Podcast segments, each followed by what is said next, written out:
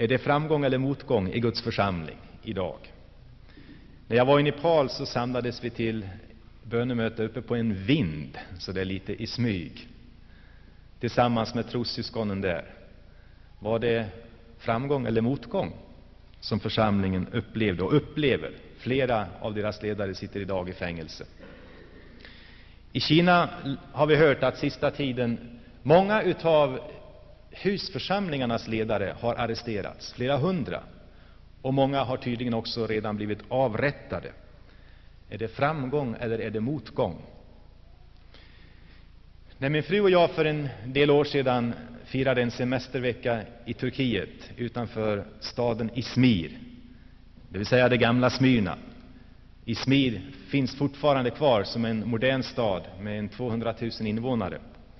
Så var det med en särskild spänning man, man gick på de här gatorna och tänkte, tänk här gick de människor till vilka Johannes utifrån Patmos en gång skrev ett brev.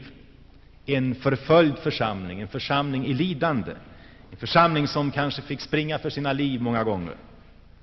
Var det motgång eller var det framgång i församlingen i Smyrna? Smyrna ligger bara en sex mil norr om Efesus, som vi talade om förra gången. Också Smyrna en hamnstad, en livlig sådan. På sluttningen av berget Pagos, ner emot den långa havsviken som tränger in där. Ett mycket vackert läge vid floden Meles mynning. Omväxlande så kallades Smyrna för Asiens krona eller Asiens blomma, för det var en så vacker stad. Och när antikens författare försöker beskriva staden så märker man att de är märkbart hänförda och blir ofta lyriska i sina skildringar. Det var en gammal stad redan på Nya testamentets tid.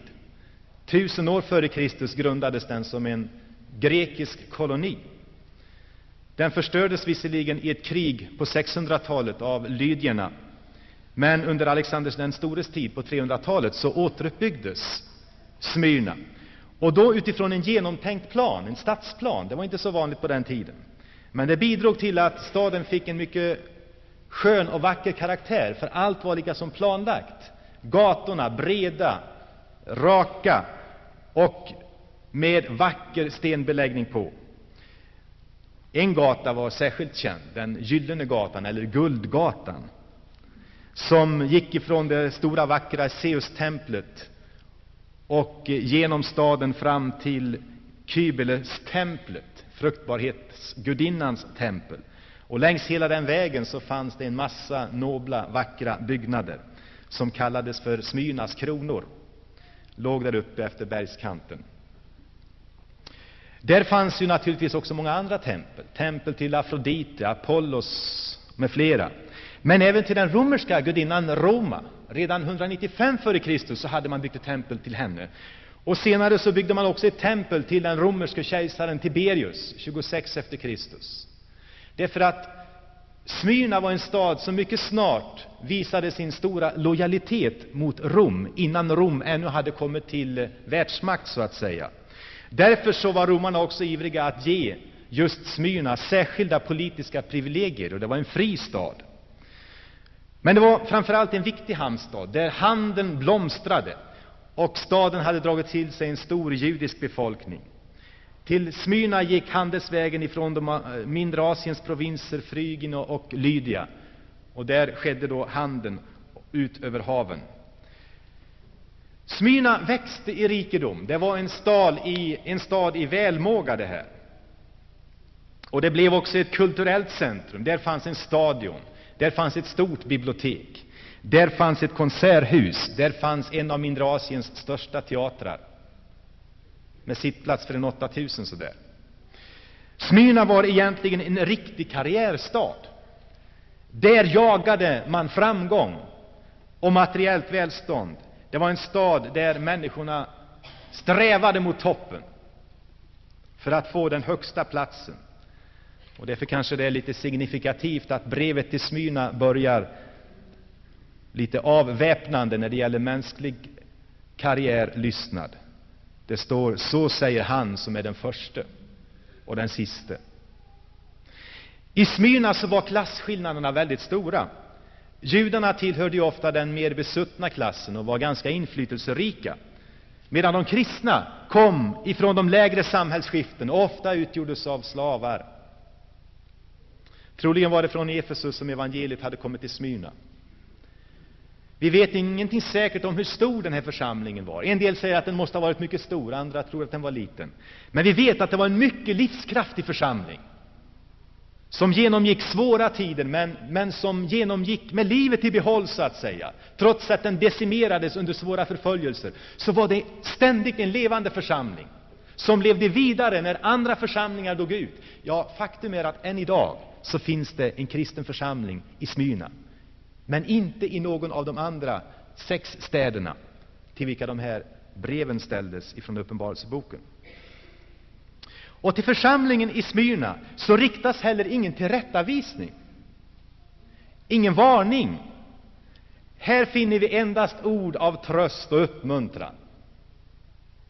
Och det är väl därför som en del svenska församlingar valt att kalla sig för Smyrna-församlingen. Vi har aldrig hört om en församling som kallar sig för Laodicea-församlingen eller Efesus-församlingen, för det ger lite negativa associationer. Man vill ju vara lik församlingen i, i Smyrna eller Philadelphia, som är den andra av dessa två, som endast får lovord av Jesus.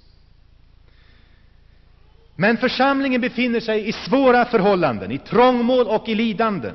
Och mänskligt sett så innebar deras kristna tro inte någon som helst framgång, bara motgång.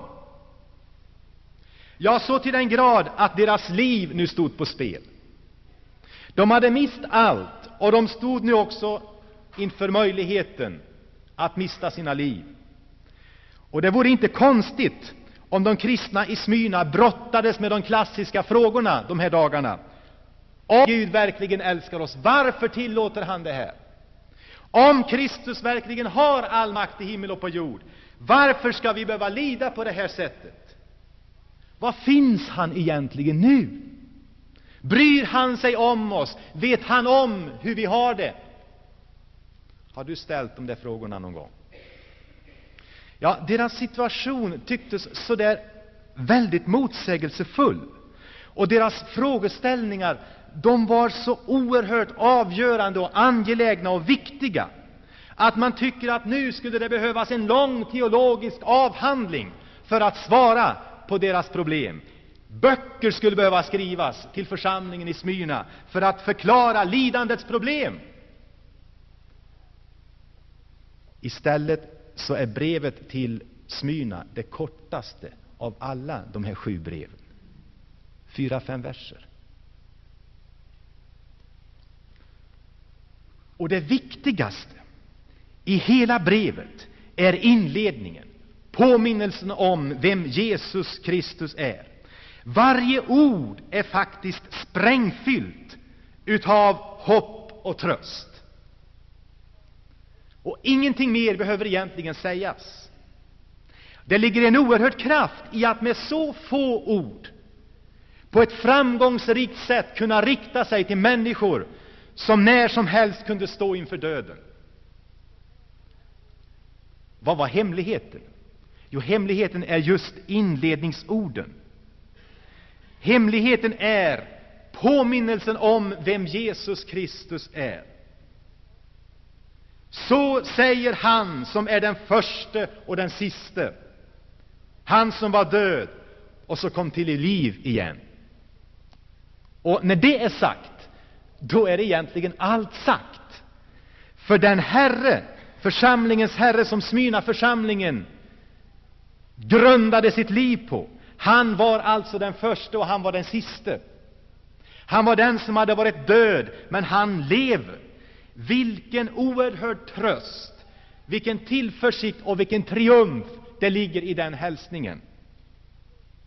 Det är precis som om frågetecknen, som så oroligt myllrade omkring församlingen som stod mitt uppe i lidandena, när de inser vem Jesus Kristus i verkligheten är, dessa frågetecken lägger sig till ro.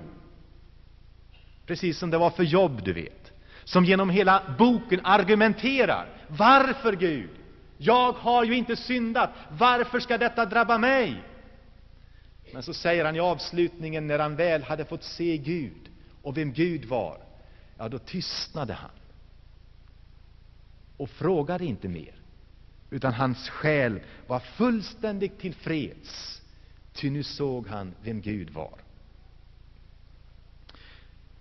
Och Kristus hälsar alltså, jag är den första och den siste, det vill säga den evige Guden.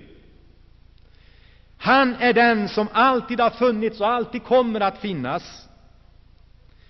Det är inte den romerska och de romerska bödlarna som ska ha sista ordet. Det är Kristus. Och det är han som är med dem nu, mitt i deras lidanden och i deras prövningar, och han befinner sig fullständigt lugn. Hur än Satan rasar på jorden, så rubbas han inte i sitt lugn. Han vet att det är hans ord som ska bli det sista.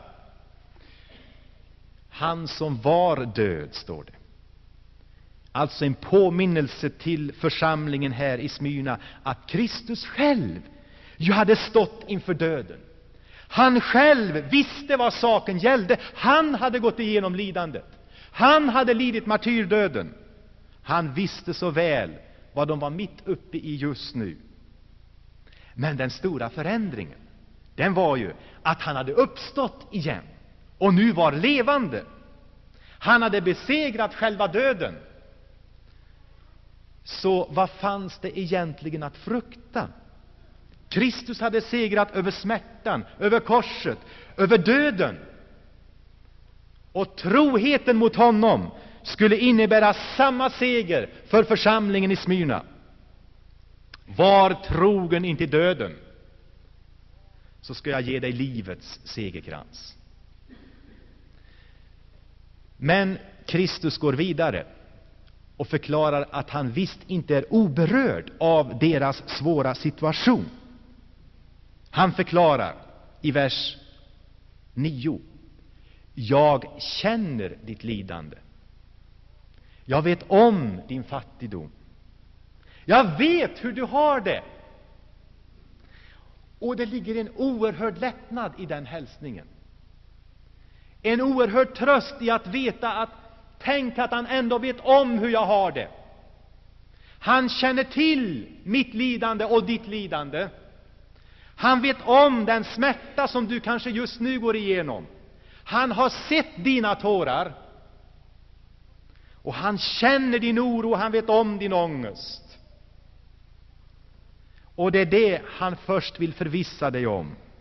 Att ditt lidande, det kanske tysta och hemliga lidandet som du lever med, på intet sätt är obekant för honom. Och det är en väldig tröst att veta. Han vet om hur jag har det. Han vet om hur du har det. Hur hade då församlingen i Smyrna det? Ja, vers 9 igen. Jag känner ditt lidande, din bedrövelse, din trångmål, din vedermöda. Grundtextens ord betyder egentligen att vara under tyngden av ett svårt, ett svårt tryck som nästan håller på att krossa mig.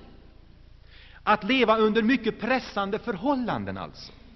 Den kristna församlingen i Smyrna levde under omständigheter som höll på att krossa dem och krossa tron ur deras liv. Åtminstone var det förföljarnas syfte att göra slut på deras kristna tro. Och lyckades man inte där, så var syftet att gå vidare och göra slut på dem som framhärdade i sin tro.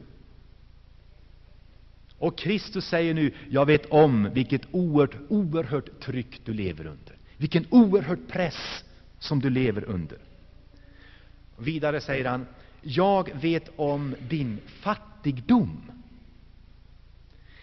Och I grekiskan finns det två ord för fattigdom. Det ena ordet betyder att inte vara rik, det vill säga att inte ha någonting i överflöd, utan tvingas jobba hårt med sina händer för att försörja sig. Det andra ordet avser absolut fattigdom och total utblottelse. Och det är det ordet som används här. Det första ordet beskriver en människa som inte har överflöd på någonting. Men det ord som används här beskriver en människa som inte har någonting alls. Utan som kanske måste tigga sig fram för att få någonting att leva på. Varför var nu de kristna i Smyrna så fattiga? Trodde de inte på Gud? Levde de inte under Guds välsignelse? Va? Var de svaga i sin tro? Var det här ett tecken på olydnad kanske? Var fanns framgången?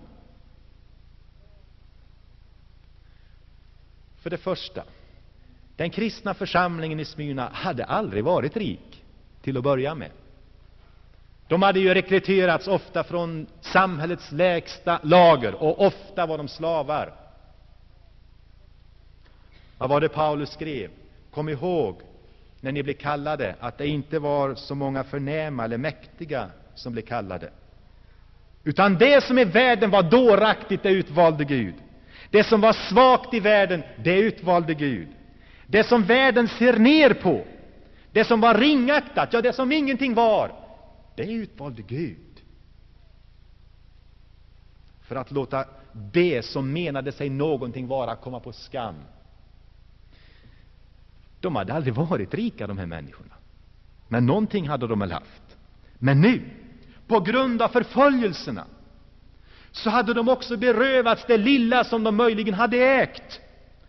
Konfiskering av de kristnas egendom var nämligen ett av de första ingreppen som gjordes för att man åtminstone då skulle få dem att avsvära sig sin tro. Och oftast utsattes de också för regelrätt plundring av både hedningar och, jud och judar. Kan du tänka dig, mitt i en stad av överflöd så framstod ju naturligtvis de kristna situation av fattigdom som ännu större. Kontrasten var så stor just i Smyrna. I Hebreerbrevet står det, författaren skriver, ni utstod många lidanden. Ni blev smädade och förföljda och gjordes till allmänt åtlöje. Ni led tillsammans med dem som sattes i fängelse. Och så står det, och ni fann er med glädje att bli berövade er egendom, därför att ni visste att ni ägde något bättre och mera varaktigt. Vad gjorde det om de kom och tog pianot? Det fanns inga pianon på den tiden kanske, men någonting kärt i hemmet. Det kanske gjorde ont, men de visste att de hade någonting ännu bättre. I Smyrna skakade man på huvudet åt de kristna och menade att de hade ju definitivt satsat på fel häst. Deras tro ledde ju bara till utarmning, till förföljelse. Där fanns ingenting av mänsklig framgång, bara motgång. De var de fattigaste människorna i hela Smyrna. Det var de kristna det. Ja, så menade man allmänt. Det var de mest ömkansvärda människorna, de mest beklagansvärda. Och det var uppenbart för alla att så var det ju. Man var överens i sitt omdöme om de kristna. Men det fanns en som var av en helt annan uppfattning. Helt annan uppfattning. Vem då? Jesus Kristus, den uppståndne, den förhärligade. Vet du vad han sa? Jag vet att ni går igenom lidande, jag vet att ni är fattiga i mänskliga ögon, men jag säger er, ni är rika. Det är Kristi omdöme om en lidande församling. Och det är hans omdöme, mina vänner, som är det slutgiltigt gällande. Han ser inte på våra yttre ägodelar och bedömer vår rikedom utifrån det. Han vet att det är aska alltihop. Han frågade efter en annan rikedom som en del av oss, jag hoppas många av oss här idag, är ägare utav genom tron på Kristus. Är du inte det, faller omdömet från honom. Du är fattig och eländig. Men den kristna människan, hon må vara naken, utan mat och kläder. Kristus säger till henne, O, oh, vad du är rik.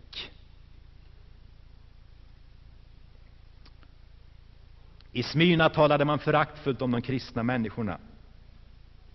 Men man anade inte att de egentligen var de rikaste människorna i hela Smyrna. Vad säger Kristus till den lidande församlingen i Sovjet, i Kina, i andra länder i världen idag, där den sannerligen är i trängda lägen. Kristus säger, du är rik. Jag vet inte vad han säger om församlingen i väst. I den mån vårt liv är förankrat i honom så säger han, du är rik. Men vår skam till, måste jag säga att jag hörde om några ryska kristna som besökte väst och blev så skrämda av den ytlighet som vi uppträdde med i vår kristendom att de började längta hem igen. Välmående västerländska församlingar. Men var fanns rikedomen i Kristus? Du är rik, säger Kristus. All den himmelska världens andliga välsignelser är dina. Dina förföljare känner inte till dina tillgångar, men hela himmelens härlighet är din. Kristus gratulerar församlingen, hans medarvingar. Dig tillhör förlåtelsen, rättfärdiggörelsen, barnaskapet hos Gud, segern över döden, uppståndelsen och det eviga livet. Är det så konstigt att Asaf i den 73 salmen säger, när han har insett evighetsperspektivet, efter att först ha varit avundsjuk på det ogudaktiga, som det gick så bra. Men, säger han, när jag kom till besinning och började se på tingen så som Gud ser på det, då förstod jag bättre. Trots att plåga kom över mig varje morgon, så har jag det bättre. Och nu frågar jag efter intet annat på jorden, ty när jag har dig, då har jag allt, säger han. Om också min kropp och själ försmäkta, så är jag kvar hos levande Gud. Det är faktiskt så att genom Kristi utblottelse för vår skull så har vi blivit rika. Han som var rik blev fattig för vår skull, för att vi genom hans fattigdom skulle bli rika. Och det är också vår kallelse att göra andra rika. Paulus sa, jag är fattig, men jag gör många rika. Kan du tänka dig? Man kan vara fattig men ändå göra många rika. Därför kunde Lapp-Lisa sjunga i guldgrävarsången Jag blev frälst, jag härligt frälst, och jordens skatter får vem som helst. Jag byter dig bort den skatt jag fått för miljoner. Jag mår så gott. Hon var rik. Kan du tänka dig att en samling slavar som sprang för sina liv under förföljarna egentligen var romarrikets rikaste människor? Om man visste vilka det i verkligheten var, så borde man ha fallit ner i vördnad och respekt. Här var konungar, drottningar, som i framtiden skulle regera med himmelens och jordens härskare. Men nu smädar man er, säger Kristus. Jag vet hur de, hur de smädar er. Jag vet vad ni får utstå. Speciellt av judarna tydligen, så fick församlingen uppleva smädelser. Jag har hört ropen jag vet om vad man kallar er. Jag känner till de falska ryktena som sprids om er för att uppväcka fientlighet emot er. Tydligen var det judarna som stod i spetsen, för det står av dem som kallar sig judar, men inte är det egentligen utan är en Satans synagoga. Du ser, judarna ville berömma sig att när de samlades till sina gudstjänster i synagogan, så ville de kalla det en Herrens synagoga, en Herrens sammankomst. Men här säger Kristus, eftersom de förföljer församlingen, så går de Satans ärenden och är egentligen en Satans synagoga. Ett instrument för hans illvilja mot Guds verk i tiden. Ytterst sett är det alltså Satan själv som ligger bakom förföljelserna mot församlingen, som vi ser mer i vers 10 snart. Men han använder sig av människor som föraktar evangeliet. Och redan profeterna hade sagt att när Kristus kommer in i historien skall han för dem som tror bliva en klippa till frälsning, men för dem som inte tror bli en stötesten och en klippa till fall. Och judarna stötte sig ofta på honom, som sa att man måste komma till korset för att bli frälst. Och du vet när Paulus och Barnabas gav sig ut på sin första missionsresa och hade kommit till Antiochia, så blev det en väldig rörelse i stan. Och nästa sabbat så fanns så att säga hela stan samlad för att lyssna till förkunnelsen. Men när judarna fick se allt folket, då fylldes de av avund. Och de bemötte Paulus nu med smädelse. Och nästa steg i strategin blev att gå till stadens myndigheter. Och de var ofta inflytelserika personer, de här judarna. Och lyckades få igång en uppvigling emot de kristna och en förföljelse emot Paulus och Barnabas, att de fick fly ifrån Antiochia. Mönstret upprepades sedan i stad efter stad. Judarna tålde inte evangeliets erbjudanden. Och de fick ofta illvilliga människor med sig. Vad smädade man de kristna för på den här tiden? William Barclay i sin kommentar räknar upp åtminstone sex olika faktorer som de kristna smädades för, eller anklagades för. För det första, man hade hört instiftelseorden läsas vid nattbarden, och som vi läser än idag. Och det hade man förvrängt på ett sådant sätt att man sa de kristna, de äter ju kött och blod de. De är ju kannibaler. Och så anklagade man dem för att vara kannibaler och människoätare. Och när de kristna hade samlats till sina kärleksmåltider, agapemåltider, där man delade med sig och uttryckte Kristi kärlek för varandra, då anklagades man av de utomstående för att föreha orgier i omoral. Och eftersom de kristna inte använde sig av några gudabilder när de föll ner och tillbad, som alla andra gjorde, hedningarna gjorde åtminstone, så kallades de kristna faktiskt för ateister. Också därför att man vägrade erkänna de romerska och grekiska gudarna. Och för det fjärde, eftersom de kristna vägrade säga Caesar är herre, så anklagades de också för att vara politiskt illojala emot Rom och egentligen potentiella revolutionärer, ett hot emot staten alltså. För det femte, eftersom den kristna tron ofta ledde till att familjer delades när en av makarna kom till tro och den andra inte ville veta av detta utan lämnade hemmet, eller mellan barn och föräldrar det uppstod konflikter på grund av den kristna tron, så kom den kristna församlingen snart att anklagas för ni är ju familjesplittrare ni. Och för det sjätte, och det är otroligt egentligen, eftersom de kristna talade om att världen en gång skulle upplösas av eld, så kom de att anklagas för att vara pyromaner och mordbrännare. Ja, med, det här, med den här kunskapen nu så kan du förstå att det inte var svårt för illasinnade människor att sprida falska rykten om de kristna. Farliga rykten som man lätt fick med sig människor att smäda de kristna med. Och eftersom kristendomen heller inte var legalt erkänd, så var det ganska lätt att också få myndigheterna att aktivt agera emot de kristna. Och i Smyrna så hade de antagonistiska judarna tydligen varit väldigt framgångsrika den här tiden. Först att smutskasta den kristna församlingen och sedan att få igång de verkliga förföljelserna. Djävulen var aktiv för att få dem ur världen. Det här är ett intressant förhållande. Församlingen är nämligen ett ständigt irritationsmoment för djävulen. Observera! Han igångsatte aldrig några förföljelser mot dem som tillbad vid Zeus-templet. Inte heller igångsattes några förföljelser emot dem som tillbad fruktbarhetsgudinnan Kybele i Smyrna, eller de många andra gudatemplen som fanns i Smyrna.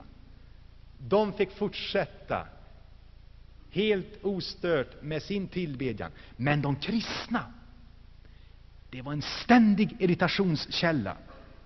Mot dem som tillbad och ärade Jesus upptände Satans vrede.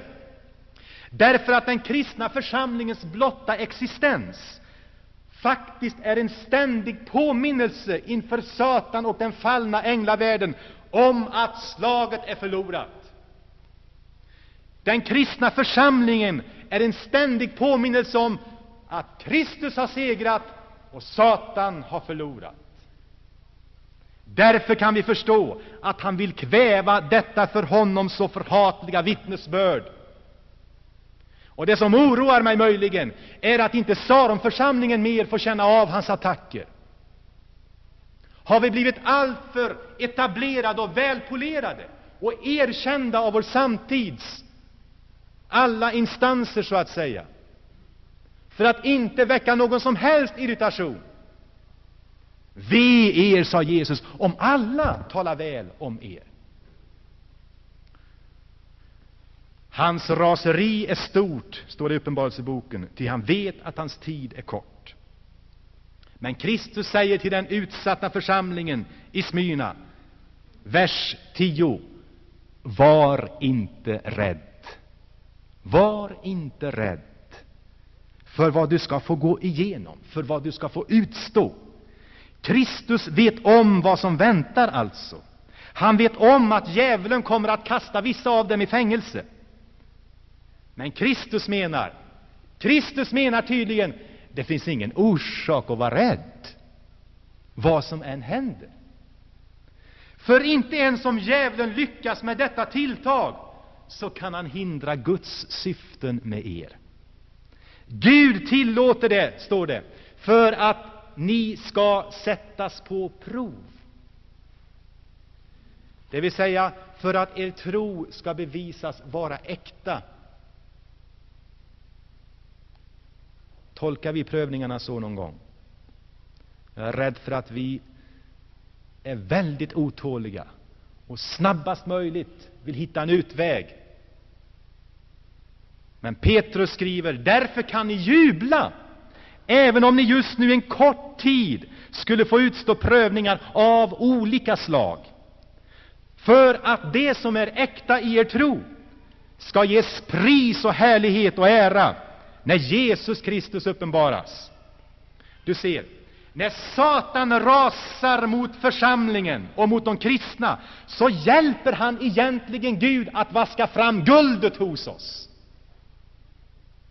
Prövningarna har nämligen en sällsam förmåga att frambringa det som är äkta i vår tro och visa var vår egentliga lojalitet ligger. Visa vilka vi i verkligheten är. Det är då, när vi är mitt inne i prövningen, som det visar sig om vår tro bara var en hobby, ett söndagsnöje, eller om det var något som verkligen utgjorde grunden för vårt liv. För livet är inte bara en dans på rosor, livet är prövningar. Och Guds syfte är inte att lämna oss den stunden, utan att hjälpa oss igenom. Och han sätter en gräns för prövningen. Han säger, var inte rädda, ni ska få lida tio dagar. Och det betyder åtminstone att här är en kort, begränsad tid. Sen får det vara nog. Sen är det över. Men det kan leda till döden ändå. Till sist uppmanar han alltså dem till trohet under prövotiden. Även om den skulle leda till döden, trogen hur det än kommer att gå. Precis som de där tre unga männen i Daniel 3. Om vi åker i brunnen, eller förlåt, i ugnen, den brinnande ugnen, vi tänker ändå inte tillbedja dina gudar, Nebukadnessar. Det får gå hur det vill. Vi tänker stå trogna vår Gud, död eller liv. Och inte ens om döden kommer är slaget förlorat. Det är faktiskt inte det värsta som kan hända, förstår vi nu i avslutningen av detta brev. Under sitt jordeliv sa Jesus Frukta inte för dem som väl kan döda kroppen, men inte har någon makt med själen. Det är nämligen inte det värsta om den här förgängliga kroppen skulle dö. Men frukta istället för honom som har makt över både själ och kropp och att förgöra dem i Gehenna. Det finns en trohet till Kristus som kan övervinna dödsfruktan tydligen. Och kyrkohistorien ger oss många sådana exempel. Ja, tänk på Daniel när han stod där inför lejongropen.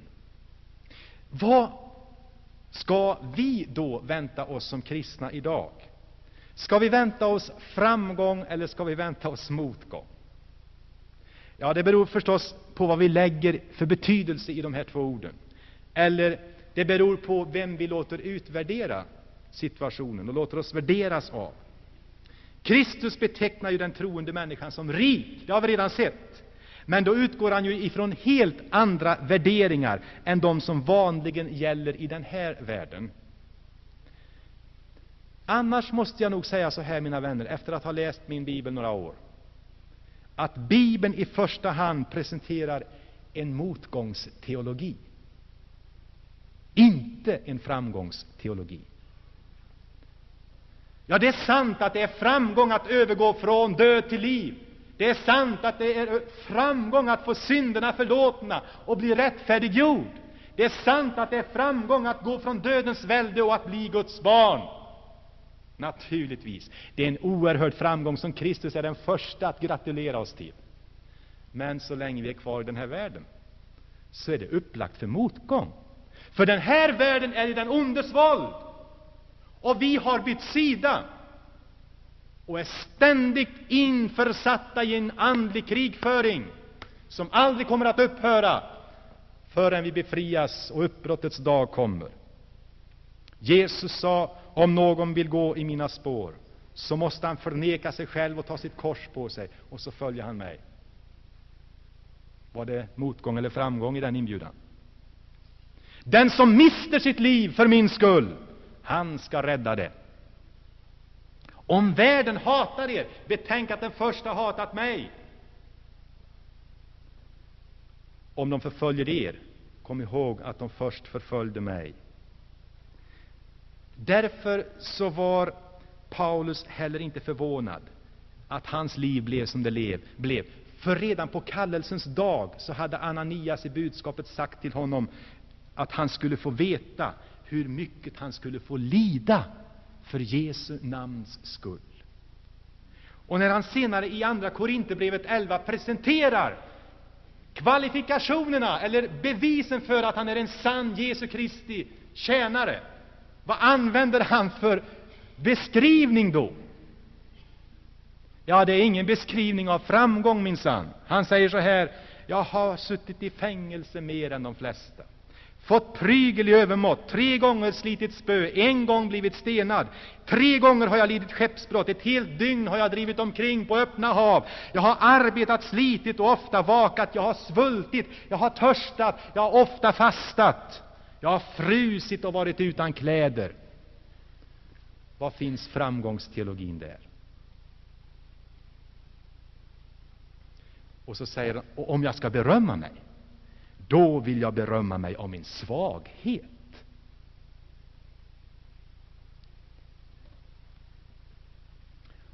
Och ändå är det just Paulus som skriver.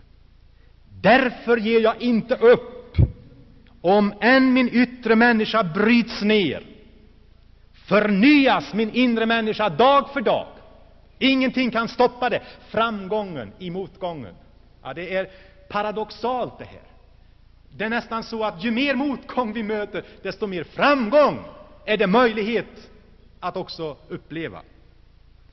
Och jag undrar om församlingen i Smyrna just var så ren och livskraftig just därför att de levde i förföljelserna och i motgångarna, medan församlingen i väst har slappnat av och blivit mera likgiltig, för allt rullar ju och går ju ändå och känner väldigt lite till kampen och lever i ständiga kompromisser.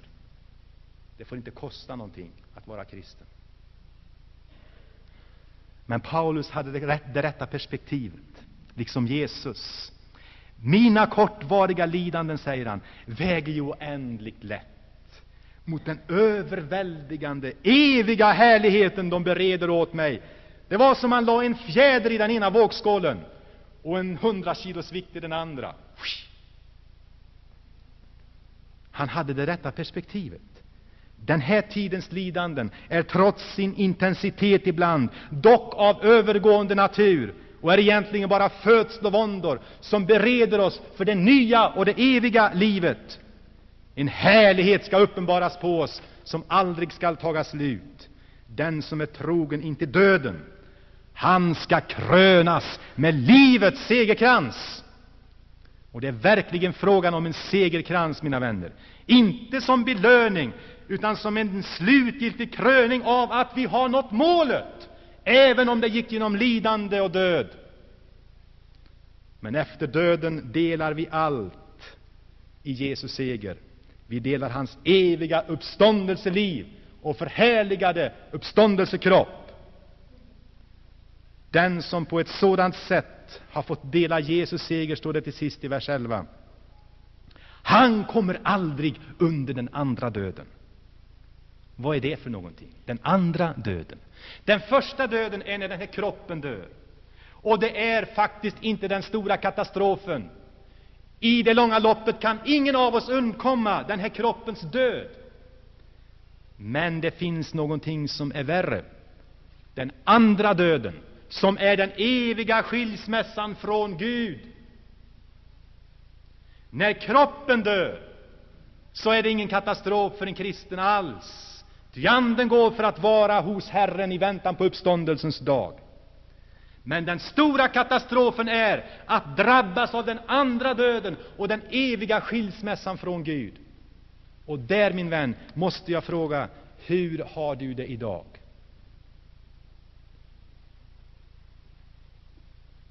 Vet du eller vet du inte om den andra döden kommer att skada dig? Endast den som segrar med Jesus seger, står det, ska inte skadas av den andra döden, utan för evigt få dela hans härlighet. Ja, det vore naturligtvis mycket mer att säga om just lidandets problem. Och det hade jag tänkt göra, men det hinner jag inte idag. Men kanske är det signifikativt att det här brevet är så kort. Och kanske vi inte ska göra detta till ett större problem än det är, utan börja vila i det faktum att lidandet kan vi aldrig komma ifrån. I alla dess många former så drabbar det oss på ett eller annat sätt. Och särskilt finns det lidande som drabbar kristna människor, som andra inte behöver drabbas utav. Smäleken, förföljelsen eh, och andra lidanden, just för att vi är kristna. Våndan och nöden för världen, sorgen över egna misslyckanden och så vidare och så vidare finns där och kommer att finnas där och är en del av våra Kristuslidanden. Som Romarbrevet 8 säger att om vi inte lider med honom, så kan vi heller inte regera med honom. Det är en förkunnelse som vi hör väldigt lite utav. Men de människor som har lidit med Jesus Kristus är ofta de som känner honom bäst. Och ibland undrar jag, vad är det som ska ta ytligheten ur oss och få våra andliga liv att fördjupas i tron på Jesus Kristus och i hans efterföljd. Kanske det värsta som skulle kunna hända vårt land ändå inte vore en förföljelsevåg emot de kristna. En av de mest kända martyrerna i historien var just biskopen i Smyrna, Polycarpus. Kan du tänka dig, han var en lärjunge till, till aposteln Johannes. Han levde samtidigt som Johannes levde. Och kanske var det just Johannes som hade insatt honom till eh, föreståndare i församlingen i Smyrna. Och denne, denne Polycarpus, han var med när brevet ifrån Patmos till Smyrna-församlingen lästes upp. Var inte rädd för vad du ska få utstå. Och så allt detta läste han.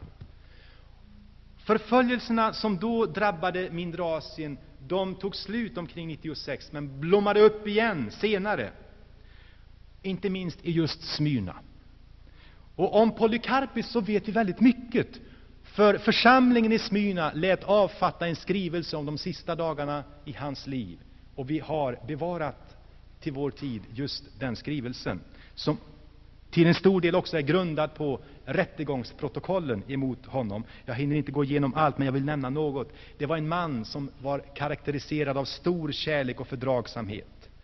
Församlingen i Smyrna respekterade honom, älskade honom. Han var deras åldrige ledare, 86 år gammal nu, 155 efter Kristus. Och när myndigheterna sände ut sina poliser för att hämta honom, så mötte han dem med glädje och vänlighet.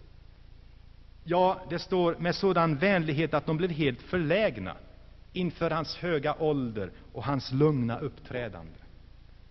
Och först så bjöd han dem på en riktig middag.